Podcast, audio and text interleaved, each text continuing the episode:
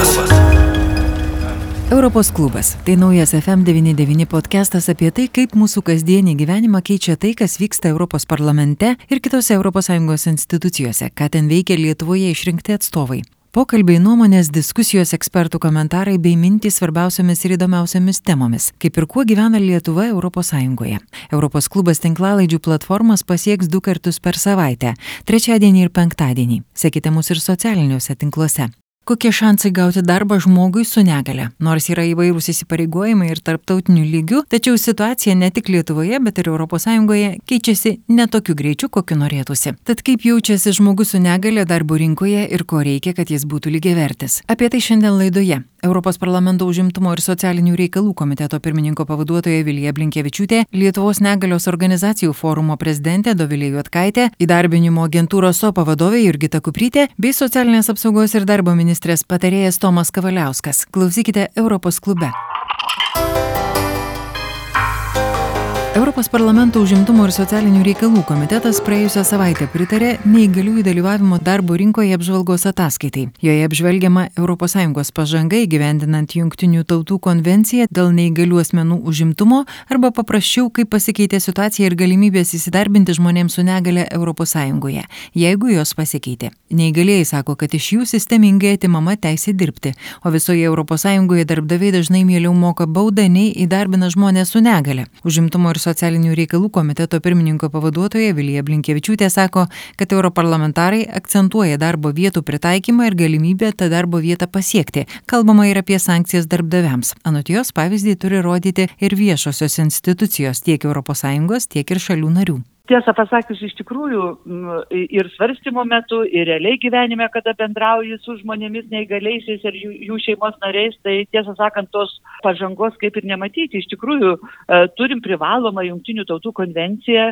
dėl negalios, turim uh, užimtumo lygybės direktyvą, kaip pavadinčiau, kur, kur iš tikrųjų privalėtumėm sudaryti tokias sąlygas, kad mūsų neįgalų žmonės, jeigu jie to nori, jie turėtų galimybės dirbti ir dirbti ne tik tai uh, kažkur socialiniai socialinėse e, neįgaliųjų įmonėse, tačiau ir atviroji darbo rinkoje, tačiau ta, ta situacija tikrai nesikeičia tikrai, ir tikrai negerėja.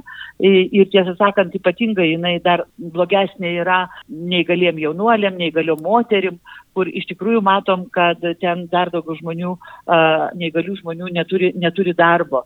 Tai mūsų užimtumo ir socialinių reikalų komitetas ir, ir tai atkreipia labai e, rimtą dėmesį ir ypatingai dėl darbo vietų prieinamumo neįgaliems žmonėms. Ir čia mes sakom, kad reikia priimti tam tikrus, pavadinkim taip, universalius standartus ar tam tikras gairės dėl, dėl aplinkos pritaikymo neįgaliesiems ir dėl darbinės aplinkos to pačiu pritaikymo neįgaliesiems. Vienas dalykas, jeigu pritaikysim darbo vietą, kitas dalykas, žiūrėkime, ar tas žmogus iš viso turi galimybės pasinaudoti transportu, nuvykti į darbo vietą, jeigu jis turi, tarkim, judėjimo negalę, ne. Čia labai dar didelė problema yra. E, kitas dalykas labai yra svarbu, e, na, tam tikros programos mokymai neįgaliesiam, kad jie iš tikrųjų galėtų dirbti atviroji darbo rinkoje. Čia dar daug darbų nepadaryta. Pagaliau, pagaliau E, vėlgi mes turim kalbėti ir apie tam tikras sankcijas, jeigu darbdaviai ne, neįdarbina tų neįgalių žmonių. Nors pilnai sutinku su jumis, kad gal aš susimokėsiu tą darbą, tą baudą ar panašiai, bet ir toliau situacija nesikeis. Tačiau mes turime mūsų visuomenė išugdyti tam tikrą e, nepakantumą tokiem veiksniam, kada na, neįgalus žmogus yra tiesiog diskriminuojamas ir išvaromas iš, e, iš bendro mūsų gyvenimo ir iš, iš bendros tos atviros darbo rinkos. Tiesiog į tai reikia labai daug investuoti į darbo vietas, į jų pasiekiamumą, į jų prieinamumą, į neįgaliųjų pačių mokymą, į darbdavių požiūrio pakeitimą. Ir visa tas yra kaip kompleksas priemonių, kurias reikia iš tikrųjų privalomai, privalomai e, vykdyti. E, pagaliau ir ES institucijos turi rodyti pavyzdį priimant negaliuosius. Ir kiekvienos valstybės narės, tame tarpe ir Lietuvos viešos institucijos, ar tai būtų, ar tai būtų vyriausybė, ar ministerijos, ar savivaldybės, turi, e, turi irgi lygiai taip pat nediskriminuoti neįgaliųjų, tačiau taikyti tam tikras kvotas, priimti juos į darbą, sudaryti sąlygas tiem neįgaliesiems tiem neįgalėsiems dirbti. Tai iš tikrųjų tai e, buvo mūsų pagrindinė e, žinia ta mūsų užimtumo komiteto e, ir aš tikiuosi, kad tokia bus pozicija ir viso Europos parlamento, kad padėtis e, užimtumo srityje, e, atviroje darbo rinkoje negalių žmonių yra na, bloga ir ypatingai dabar reikia atkreipti dėmesį dėl COVID situacijos, e, kada kaip tik, mano manimu, galbūt šiuo požiūriu neįgalėjai žmonės galėtų būti labiau panaudojami, nes dabar darbas yra didelė dalim a, iš namų, ne, ne, ne, ne, ne tiesiog į biurose ar darbovietėse, bet aišku, tai reikia investuoti, norint, kad neįgalus žmogus turėtų tinkamą darbo vietą a, savo namuose. Taip. Tai, tai tokie mūsų pagrindiniai siūlymai ir sprendimai. Bet ES, jinai irgi juk ne vienalytė, ar ne, ir situacija labai skirtinga. Jeigu pažiūrėsi Švediją, Ispaniją, Graikiją ar, ar Vokietiją, irgi ir Lietuvą tą pačią turbūt irgi situacija skiriasi. Ar analizavot, ar žiūrėjot vis dėlto, kur yra na, tokie sektini pavyzdžiai ir kur yra daugiausiai problemų? Didžiausia pažanga šitoje srityje be abejo yra pasiekę Skandinavijos šalis, ta pati Vokietija, nors nepakankamai dar galėčiau pasakyti dėl Vokietijos, todėl kad ten požiūris į neįgalų žmogų yra, yra visiškai kitoks negu kai kuriuose kitose ES valstybėse. Čia norėčiau pasakyti, kad ir Lietuva, mano gimtoji, turėtų labiau pasitemti ir labiau pasistengti, kad na, neįgalų žmonės būtų, e, e, būtų na, nediskriminuojami, nes iš tikrųjų Lietuvoje situacija kaip ir, kaip ir nesikeičia. Jeigu maždaug 7 procentai Lietuvos gyventojų yra neįgalus, tai dirbančių yra labai mažas procentas ir, ir tiesą sakant, ta situacija nesikeičia. Pernai metais buvo pakeistas ir pradėjo galioti naujas socialinių įmonių įstatymas, tačiau tai tikrai nemanau, kad išspręs išspręs visą, visą esamą padėtį, reikia daugiau suinteresuoti, kaip minėjau, ir darbdavius, ir priimti neįgalių žmonės. Na, aišku, reikia motivuoti ir patį neįgalų žmogų, kad jeigu jis yra darbingo amžiaus neįgalus, o tokių pas mus yra iš visų neįgaliųjų Lietuvoje pripažintų apie 70 procentų darbingo amžiaus neįgalių, o tuo tarpu dirba tikrai labai mažas procentas, gal 20 truputį su viršum procentų, tai tikrai turėtumėm pasistengti. Užsiminėte apie socialinių įmonių įstatymą. Iš tiesų, tai yra viena iš tų problemų, kurią kelia ir neįgaliųjų organizacijos, kad e, parama vis dėlto turėtų būti ne dėl to, kad statusą įmonė turi ar panašiai, o, o kad e, keliauti paskui žmogų, kuriam reikia taip, taip. pagalbos. Kaip taip, yra kitur? Tikrųjų, Ir, ir, ir pernai metais Lietuvoje buvo labai daug diskusijų dėl, dėl socialinių įmonių ir tie pakeitimai padaryti. Ir nuo Liepos pirmos jau praeitų metų galioja, tik tai galbūt pandemijos laikotarpiu, na nežinau, ar situacija kiek pasikeitė, bet bent jau, bent jau nebėra tų atskirų įmonių, kad viena buvo neįgaliųjų socialinė įmonė, viena rašys kitos, kitos taip socialinės įmonės, kurios įdarbino galbūt kitus žmonės ar vyresnio amžiaus, 50 plus, kur negalėdavo rasti darbą atviroje darbo rinkoje. Aš manau, kad kaip ir įstatyminių požiūrių, sakykime. Reikėtų pažiūrėti, kaip visą tas, tas veikia, ar, ar buvo to laiko įgauti tam tikrą pagreitį. Tačiau aš vis tik tai dabar manau, kad tiesiog tuose socialinėse įmonėse turi dirbti labai sunkios negali žmonės, kada jie iš tikrųjų niekaip negali dirbti atviroj darbo rinkoje. Tačiau dažnai nėra taip. Yra tam tikras darbdavių piknaudžiavimas ir čia reikėtų matyti suaktyvinti veiklą e, ir e, taip pačiai darbo inspekcijai žiūrint, kaip e, veikia tos socialinės įmonės ir kokius žmonės įdarbina. O tikrai nesunkios negalės žmogus, sudar, sudarius jam sąlygas, puikiai gali dirbti bet kurioje įmonėje atviroj, atviroj darbo rinkoje. Na, tam galbūt reikia laiko, bet to laiko kaip ir daug jau praėję yra dėl požiūrio keitimo, tačiau pasirodo, kad netaip greitai matytas požiūris pasikeičia ir jeigu yra galimybės kažkaip kitaip pasinaudoti darbdaviui, tai jisai ne visada sunkios negalės žmonės priima, pasinaudoja tą lengvesnę negalę galbūt tam, kad gautų tam, tam tikras kompensacijas iš valstybės biudžeto. Ir aš e, tikrai e, pritariu tam, kad jeigu esi neįgalus žmogus, tu gali atsinešti savo, savo krepšelį, tą dotaciją, tas lėšas iš valstybės biudžeto į bet kurią įmonę, kur tu nueini dirbti. Dar vienas akcentas - neįgalėjai kartais patys atsisako darbo, bijodami, kad neteks išmokų ar garantijų. E, būna tokių atvejų, kad neįgalų žmonės iš tikrųjų kaip ir ne visada nori, o galbūt bijo įsidarbinti. Štai pavyzdžiui, dėl to, kad sako, neteks tam tikrų išmokų ar, ar neįgalumo pensijų ar kokių kitų išmokų. Tai čia turbūt reikėtų, kad valstybės narės bendradarbiautų su neįgalių nevyriausybinėm organizacijom, sėstų prie bendro stalo ir ieškotų tų sprendimų būdų tam, kad tas neįgalus žmogus iš tikrųjų nebūtų nuskriaustas ir neprarastų uh, finansinę prasme, galbūt dėl to, kad jis įsidarbins ir, ir, ir, ir, ir, ir dėl to jisai, uh, na, gali gali nukentėti. Čia irgi reikia, reikia ieškoti tikrai, tikrai, tikrai sprendimų dėl to. Europos klubai pasakoja europarlamentarė Vilija Blinkievičiūtė. Tik pusė neįgaliųjų ES turi darbą, palyginti su 75 procentais negalios neturinčių asmenų. O Lietuvoje šie skaičiai dar gerokai ir atsilieka, sako Lietuvos negalios organizacijų forumo prezidentė Dovilė Jotkaitė. Lietuvos negalios organizacijų forumas siekia vienyti organizacijas ir kartu aktyviai įsitraukti į politikos formavimo procesus, darbą su institucijomis tam, kad žmonių su negale ir jų šeimų poreikiai būtų išgirsti ir į juos atliepiama tiek nacionalinėje, tiek savivaldos politikoje. Darbas yra vienas iš tų pagrindinių poreikių. Tai darbo rinka yra viena iš tų svarbių ir svarbiausių žmonių su negalės ryčių, kurioje dėje, bet susideda labai daug kompleksinių problemų.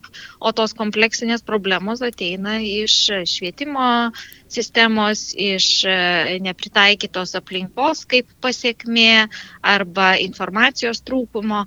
Ir todėl žmonės su negale rinkos, rinkoje ar atviroje darbo rinkoje yra tikrai dar labai nedaug kur matomi, e, nes ir pats procentas žmonių su negale dalyvavimo darbo rinkoje yra palyginus žemas, 29 procentai, čia buvo iki E, karantino iki pandemijos, e, tas procentas, lyginant netgi su europiniu dabar vidutiniu procentu, kuris yra virš 40 procentų, yra tikrai žemas. Ir, e, na, žmonės su negale iš tiesų nepasiekia tos darbo rinkos dėl daugelio priežasčių, dėl, dėl išsilavinimo, dėl švietimo sistemos irgi neįtraukumo, dėl infrastruktūros įvairių e, problemų, tai yra, kad ir, ir darbo vieta kartais nepasiekiama, ir, ir e, transporto įvairios kliūtis, ir infrastruktūros miesto, e, gyvenamojo būsto irgi kliūtis ne, ne, ne, neužtikrina žmonėm lengvo to judėjimo, mobilumo ir galimybės dalyvauti visuomenėje ir tuo pačiu darbo rinkoje. Dažnai visokios priemonės, kurios arba geros iniciatyvos, kurias bandoma kažkur įgyvendinti, jos lieka tokios labai trumpalaikės ir vienišos. Tokio bendro valstybinio požiūrio ar kažkokių tai, na, multiplikatorių skatinančių geras iniciatyvas, kažkaip jų nėra ir neatsiranda. Kad jūs, kaip suprantu, ir lobizmų užsiimat, jūs kontaktuojat su tom, vat, atstovaujat organizacijas ir, kaip ir sakot, ir įstatymų leidyboje. Kokia situacija ir ar požiūris keičiasi ir kokie jūsų reikalavimai galbūt ir siekia reikia iš neįgaliųjų pusės? Taip, mes užsiimam advokaciją ir mes jau tikrai nu, kokią dešimtmetį, jeigu nedaugiau, e, ta advokacija e, darbo rinkoje, darbo rinkoje mūsų susijusi su užimtumo įstatymo keitimu ir stiprinimu. Tai reiškia, kad užimtumo įstatymė atsirastų labai aiškios priemonės ir programos įvairių negalių turinčių, turintiems asmenėms. Tai pavyzdžiui, jeigu lyginant socialinių įmonių įstatymę galioja naudojimą. Tai tenai galimas asmeninis asistentas gestų pagalba, tuo tarpu užimtumo įstatymas to nenumato. Tai reiškia, kad atsirastų iš tiesų užimtumo įstatymė tiek pagalbos įvairios priemonės žmonėms ieškant darbo, įsidarbinant, įsidarbinus, palaikant juos darbe ir be abejo motivacinės įvairios priemonės ir programos. O kas yra turbūt dabar sudėtingiausia ir sunkiausia, kad būtent labai sunkia kompleksinė negalė turintys žmonės, jie tikrai, nu, jiems nėra tos e, tinkamos pagalbos ir priemonių e, ir, ir, ir būtent tokias mes jas ir siekiam nunešti ar arba formuoti valstybės institucijoms. O kaip jūs minėjot, tos pavienės iniciatyvos, jos dėja taip yra, yra iš įvairių projektų, finansuojamų programų, atsiranda labai ne, ne, neblogi tokie iniciatyvos ir pokyčiai, bet, bet jeigu jie nėra įtvirtinami nacionaliniu mastu arba programuose arba įstatyminiu lygiu, tai jie ir lieka tik tai trumpalaikiai arba projektiniai. Taip, o kaip jūs girdite, jūs va, bandot formuoti, bandot, bandot užimtumo įstatymą ir panašiai, kiek jūs jaučiatės išgirsti, ar turit vilčių pakeisti? Viltis visada yra, kaip sakant, bet, bet iš tiesų tie pastarėjai metai tokie buvo ypatingai sunkus su bandymu suderinti arba suderinti interesus, nes yra ir, ir, ir labai stiprių kitų interesų, lo, lo, lobistinių interesų iš socialinių įmonių ypatingai pusės kurie nu, labai, kaip čia pasakyti, inertiškai pasikliauja buvusią sukurtą sistemą, o mes norim tiesiog tą sistemą šiek tiek keisti. O tas keitimas visada yra nu, susiduria su tam tikrais pasipriešinimais. Tai, bet, nu, kuo toliau, tuo, tuo, tuo esam labiau išgirsti. Juo labiau, kad mes akcentuojam ne verslo e, paramą ir verslui skiriamą paramą, o būtent paramą ir pagalbą einančią paskui žmogų su negale. Tai yra, kur jisai be nueitų, kur jį be ieškotų darbo, jam turi būti užtikrinta ta pagalba ir paslaugos ir įsidarbinimo įvairios priemonės. Tai mes tiesiog akcentuojam, kad žmogus su negale turėtų būti centre viso to, o ne e, tam tikri verslų arba įmonių interesai. Jūs užsiminėte apie socialinės e, įmonės. Darbas irgi yra nevienodas, ar ne? Neįgaliųjų yra socialinės įmonės ir yra tiesiog atvira rinka, kur iš tikrųjų dauguma ir dirba.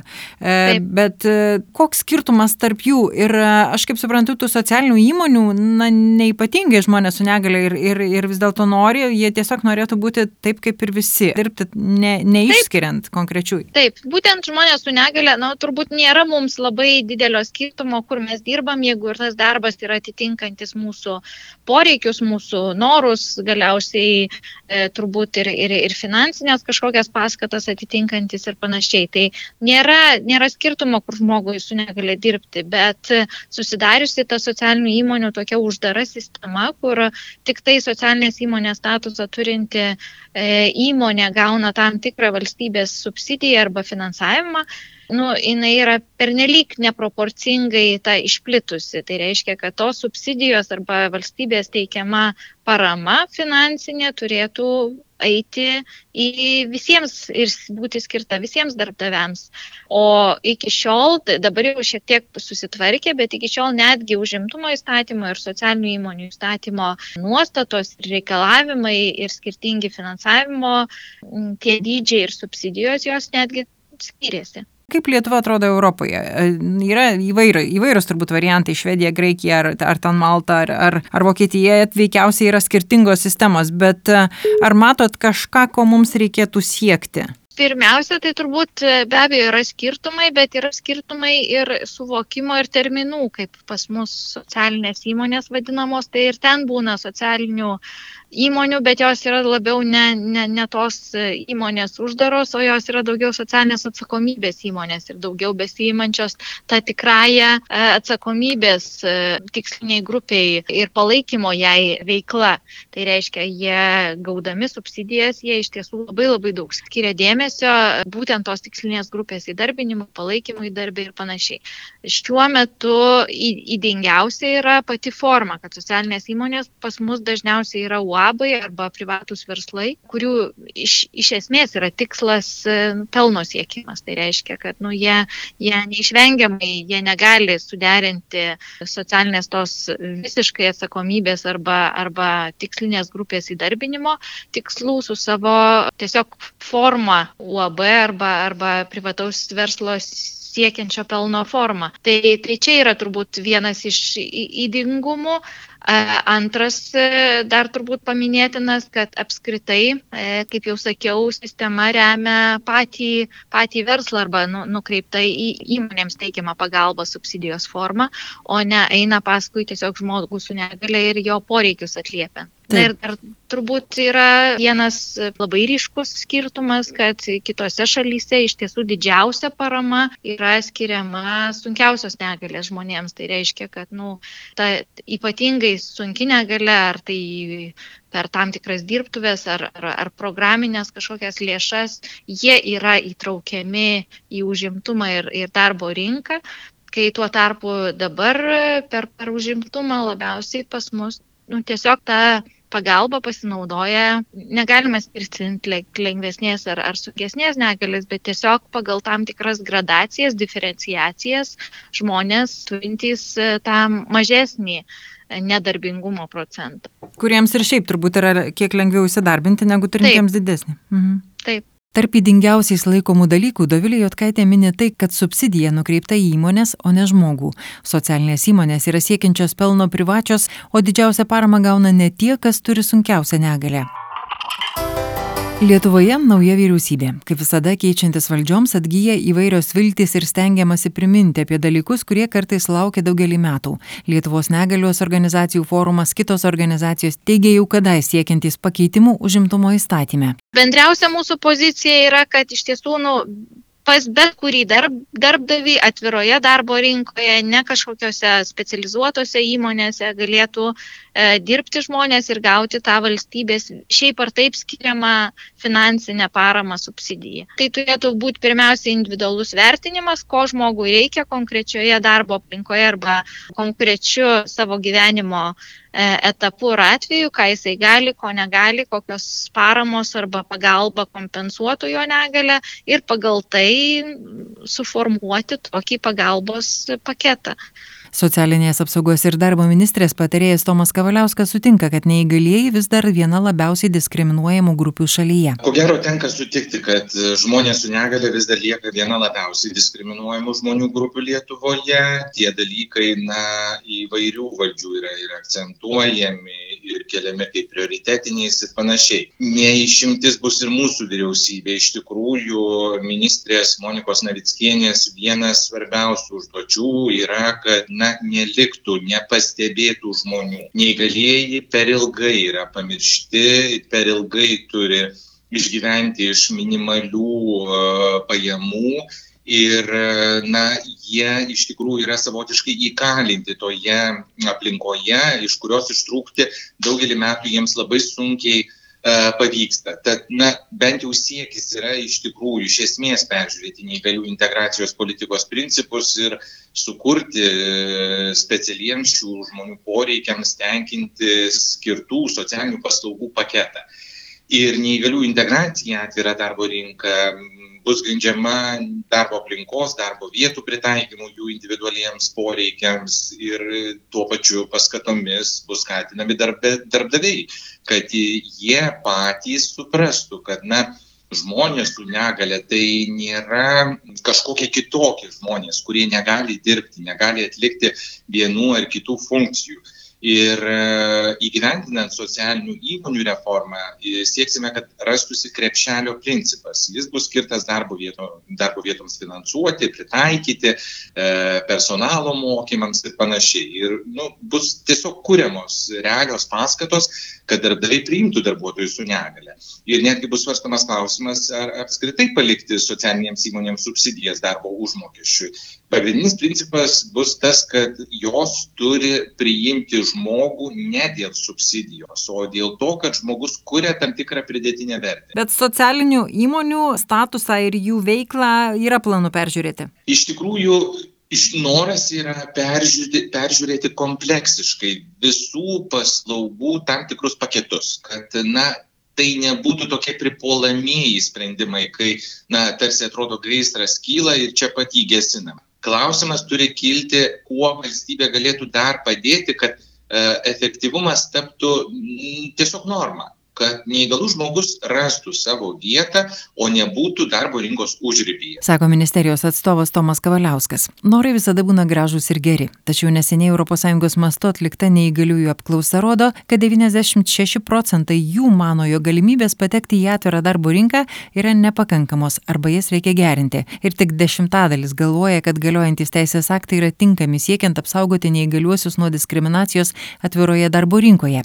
18 procentų iš vis nežino nežinojo, kad jų šalyje galioja teisės aktai, kuriais jie būtų apsaugoti nuo diskriminacijos. Jurgita Kuprytė, 15 metų veikiančios viešosios įstaigos SOPA socialinės įdarbinimo agentūros steigėja ir vadovė. Klausime jos, kokie šansai Lietuvoje įsidarbinti, jei turi negalę ir ar keičiasi darbdavių požiūris.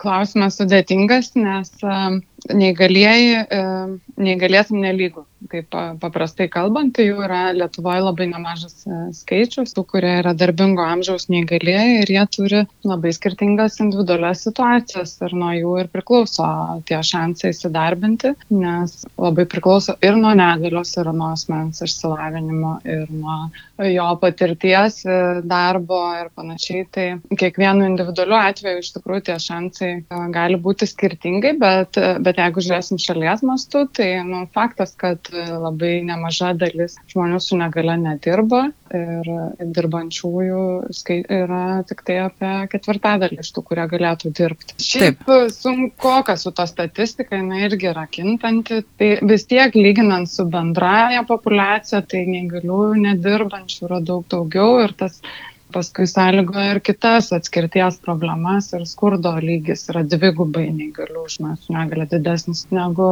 be negalios. O dėl diskriminacijos ar darbdavių požiūrio, na, aš pati jau keliolika metų, penkiolika jau bus kaip sopa įsikūrė ir prieš tai esu dirbus su žmonėms su negale, tai toj srity jau nemažai laiko esu. Tai man atrodo, kad tendencijos šiaip bendros visuomenė ir tame tarpe ir darbdavių į tą atvirumą ir požiūrio keitimą nuo jos vyksta. Ir tikrai randasi darbdavių vis daugiau, dažniau, kurie kreipiasi mūsų į organizaciją, mūsų e, norėdami priimti žmonių su negale arba pradėję galvoti apie tai ir, ir kreipiasi, na, tiesiog pasišnekėti, kokios sąlygos, kaip, kaip tą būtų galima padaryti. Tai tas požiūris iš lėto keičiasi, aišku, skiriasi ir nuo sektorių, ir nuo, nuo to regioninio, ar ne, ar kuriam regione, ar Vilniuje, ar tai yra kažkokiam mažam miestelį. Tai tai irgi daug faktorių ir darbdavius, kaip ir neįgaliuosius, irgi labai sunku į kažkokią vieną lentyną padėti ir sakyti, va, jie visi vienodi yra. Tai skiriasi, bet ši bendra tendencija, aš manau, mes tiek tampam vis labiau suprantantis, kad įvairių žmonės praturtina organizacijas ir darbdaviai tai irgi pradeda suvokti. Kokia darbdavių motivacija, kurie kreipiasi į jūs nu, ieškodami? Tai irgi jos nebūna vienodos, kartais tai yra noras užpildyti laisvas darbo vietas ir kaip alternatyva tom įprastiem paieškos būdam, jie galvoja, kad na, tai pritrauks tiesiog daugiau darbuotojų. Tai vienas motyvas, kitas motyvas yra toks labiau einantis iš, iš na, nežinau, socialinės atsakomybės ar apskritai siekio būti, na, tokia atviresnė organizacija su atviresnė kultūra, tai,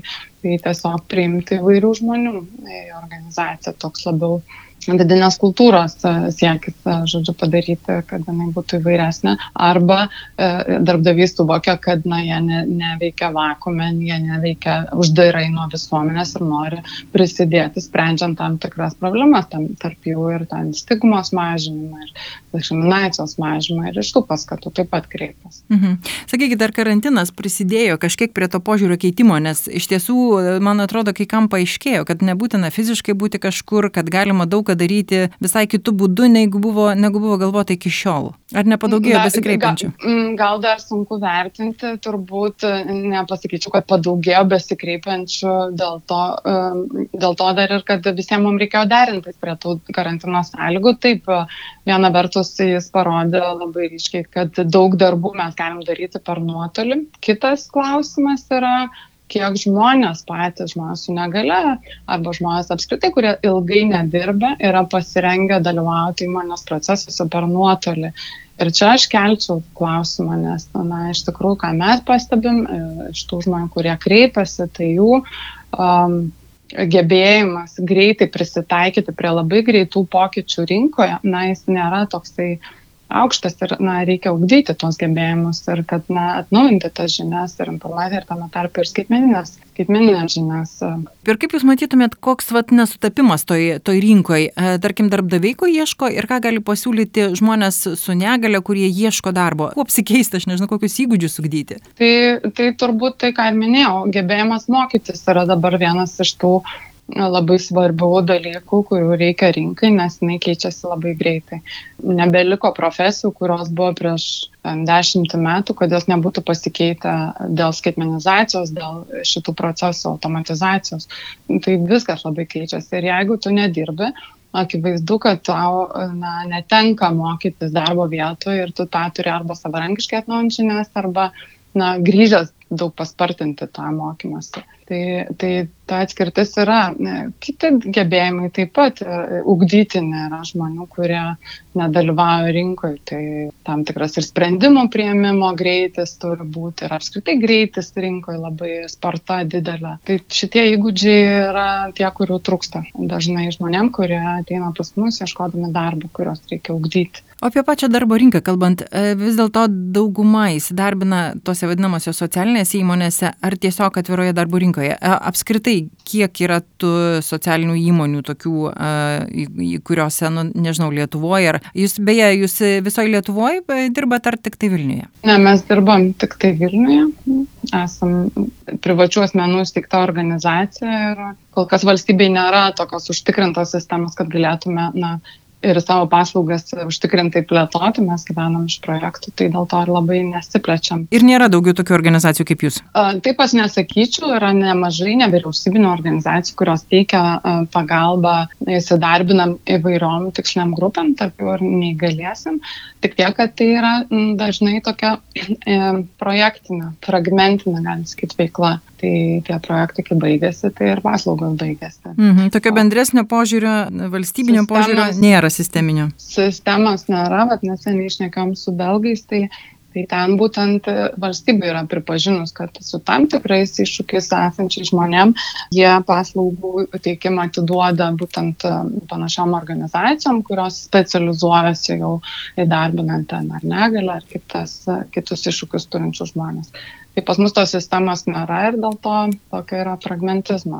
Mhm. Nors mes savo organizacijų tai siek, nu, šito tikslo misiją tokią turime, siekim jau daug metų, bet e, tą darančių daug organizacijų negalėčiau vardinti. Mhm. Tai sugrįžtant, taip. Mhm. Mhm prie socialinių įmonių skaičius aš dabar neįvardinsiu tiksliai, kiek jų yra per visą Lietuvą, bet nėra taip, kad dauguma neįgalių dirba socialinėse įmonėse. Iš tikrųjų, valstybės kontrolės ataskaitai nurodytose duomenyse, tai 30 beveik 6 tūkstančiai dirba atviroje darbo rinkoje ir apie 10 tūkstančių socialinėse įmonėse žmonių su negale. Tai didesnė dalis vis tik atviroje darbo rinkoje. O žmonių su protinė negale, kiek yra dirbančių, ar turit kažkokią mm informacija? Ne, dėja, su, su statistika apskritai negaliu, ypač jeigu nors skirstyti pagal negalę, tai yra sudėtinga pasakyti, bet šiaip iš patirties žinant, tai dar labai aišku priklauso nuo, nuo to, kokia ta negalia, bet nėra tiek labai daug dalyvaujančių darbo mhm. rinkoje ir mes patys padėjome žmonėm įsidarbinti ir pirmam blynę, ir, ir kitose įmonėse. Tai, tai buvo, sakykime, vieni iš pirmųjų ir nedaugelio kartų, kai žmonės, tarkim, su Dauno sindromu galėjom pamatyti atviroje darbo rinkai. Nežinau, ar jums tekia girdėti apie tokį projektą Lietuvoje, jis buvo vykdytas e, apie neįgaliųjų kepyklėlę, kur buvo irgi įkurta e, tam, kad na, konkrečiai įdarbinti tų žmonės su pakankamai sunkiom protiniam negaliom, jaunus žmonės. Koks jūsų požiūris į vat, tokius, e, tokius projektus? Teko girdėti, bet labai fragmentiškai nesu lankiusis. Jei neklystu, ten profesinė mokykla vasaros laikotarpiu darė tą kepyklą ir pardavinė, jeigu gerai žinau. Taip. Tai pozityvus požiūris į tokius projektus, kaip ir tą patį pirmą blyną, kaip ir tokius, kaip ir iniciatyva panevežyje, solidarumo kava. Mhm. jaunuolių dienos centre. Tai aš manau, kuo jau daugiau tokių iniciatyvų, tuo, tuo žmonės labiau matomi yra visuomeniai ir rodo, ką jie sugeba. Kitas dalykas, ar valstybė užtikrina, kad tie žmonės ir galėtų užsidirbti, nes čia labai svarbus faktorius, kad žmonės, na, ne tik dalintų kavą ar piragėlius ar ką, bet jie ir galėtų gauti pajamą. Iš to kaip ir mes visi, tai va tada ir bus tas lygus dalyvavimas, vienodas dalyvavimas visų. Ir Ir dar vienas momentas turbūt yra tas, kad e, vėlgi tai ir ta pati kepiklėlė ir visi kiti projektai dažniausiai, kaip jūs ir sakote, yra fragmentiški. Tai yra tam tikras projektas, nukrinta kažkieno idėja, jinai trumpą laiką pagyvena ir vėl išnyksta. Tai čia nu, turbūt tai čia, irgi. Čia yra tiesiog turbūt to palaikymo nuoseklumo nebuvimas, nes, na, ką, ką aš labai svajočiau ir čia jau ir buvo tų iniciatyvų, norėtųsi, kad valstybė pasitikrinus, ar valstybė ar savivaldybė pasi, prasitestavus, prasipilotavus tam tikrus projektus jos palaikytų ir, ir užtikrintų testinumą. Tad valstybinio požiūrio stoka viena iš didžiausių problemų, o nevyriausybinės iniciatyvos finansuojamos priebėgomis ir neįsibėgėja, veikia tiek, kiek pajėgia. Problema neįgaliems žmonėms dažnai net ne pats darbas, bet įsidarbinimas, nes prieimimo konkursai ir procedūros yra standartinės. O taip iš jūsų patirties, su kokia negalė yra lengviau susirasti darbą ir su kokia labai sunku? Ilgą laiką buvo sunku su psichikos e, sutrikimais, e, sveikatos, didelė stigma yra jų atžvilgių, bet dabar po truputį ir visuomenė atsiranda ir šnekančių tą temą ir, ir kažkaip mažiau ir bijančių darbdavių ir apie psichosveikatą apskritai per COVID daug šnekėta, nu, pradėta šnekėti. Tai svarbiau yra netgi, sakyčiau, tie gebėjimai, ar žmogus, ką žmogus turi pasiūlyti darbo rinkai. Ir jeigu tai yra aukštos kvalifikacijos specialistas, tai mano požiūriu, bent jau Vilniui, diskriminacija nėra ta priežastis, dėl ko jis nedirba greičiau. Na, jis, jis ras savo vietą, nesvarbu ar vežimėlis sėdės, ar dar ne, turės kažkokių iššūkių. Bet aišku, yra, yra negalių, kur tikrai vienas savarankiškai žmogus negalės, kad yra aukštos kvalifikacijos, bet, pavyzdžiui, autistiškas ar ne, žmogus jis nepraeis tiesiog atrankų dėl to, kad jam bus sudėtinga, tai jam reikia tarpininko pagalbos, išaiškinimo darbdaviui, kaip tas sąlygas pritaikyti ir panašiai. Mhm. Tokių paslaugų reikia. Kaip jūs sako, tarpininkas tarp darbdavio ir, ir neįgalų žmogaus, kuris patvirtintų, kad iš tiesų tai žmogus geba dirbti, turi, turi tą kvalifikaciją ir panašiai, tas irgi yra labai svarbu. Taip, taip, nes na, darbdavys įprastai taiko labai įprastinės atrankų procedūras ir gali nesižvelgti, kad žmogus, o kartais tas žmogus ir nepasako, kad jis turi e, negalę, Tai, tai tokiu atveju tikrai reikalingas kažkas, kas paaiškintų, kas paaiškintų, kaip elgtis, kaip pritaikyti sąlygas. Bet suprantu, kad karantinas ar COVID turėjo savo pliusų, nes e, iš tikrųjų apie psichikos sveikatą imta kalbėti gerokai daugiau ir jinai tapo labiau mhm. pažįstama. Taip, tik aišku, tie procesai yra lėti. Sako viešosios įstaigos SOPA vadovė Jurgita Kuprytė. Visoje Europoje daugiau kaip 30 milijonų aklųjų ir silpnaregių maždaug milijonas kurčiųjų gestų kalbos vartotojų ir 51 milijonas klausos sutrikimų turinčių asmenų. ES yra maždaug 7 milijonai protinę negalę turinčių asmenų, kurių užimtumo lygis yra labai žemas. Visoje Europoje dirba tik apie 10 procentų autizmo spektro sutrikimų turinčių asmenų, daugiausia ne visą darbo dieną ir prastai apmokama žemos kvalifikacijos darbą.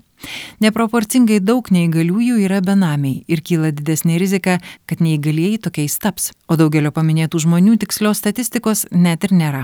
Lietuvai taip pat dar tikrai yra ką veikti šioje srityje. Europos parlamentas prie Junktinių tautų konvencijos dėl neįgaliųjų teisų ir šalių pažangos įdarbinant žmonės su negale sugrįž kovo mėnesį. Sekite Europos klubą socialiniuose tinkluose, prenumeruokite podcastą ir klausykite jums patogiu metu. Su jumis buvo Vilija Kvedaraitė, o prie projekto finansavimo prisideda ir Europos parlamentas.